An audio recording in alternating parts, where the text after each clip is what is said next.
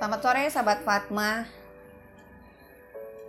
Saat ini Fatma akan memberikan satu bingkisan kecil yaitu hidup berdasarkan kebutuhan, bukan berdasarkan keinginan.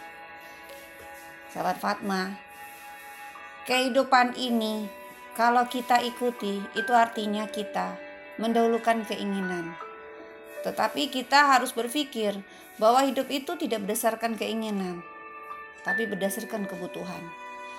Contohnya saja, kita saat ini butuh beras untuk kita masak, untuk dimakan bersama anak dan keluarga kita yang lainnya. Jadi, jangan beli yang lainnya, di mana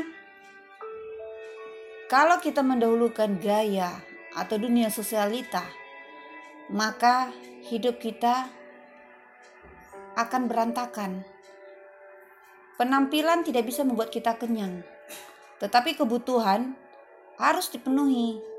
Kebutuhan yang tidak bisa kita hindari adalah kebutuhan perut. Bahwa jika perut kosong diajak berpikir itu tidak bisa.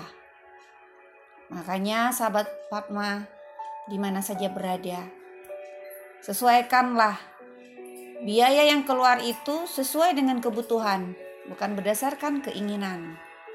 Begitulah bingkisan kecil dari Fatma sore ini. Selamat sore.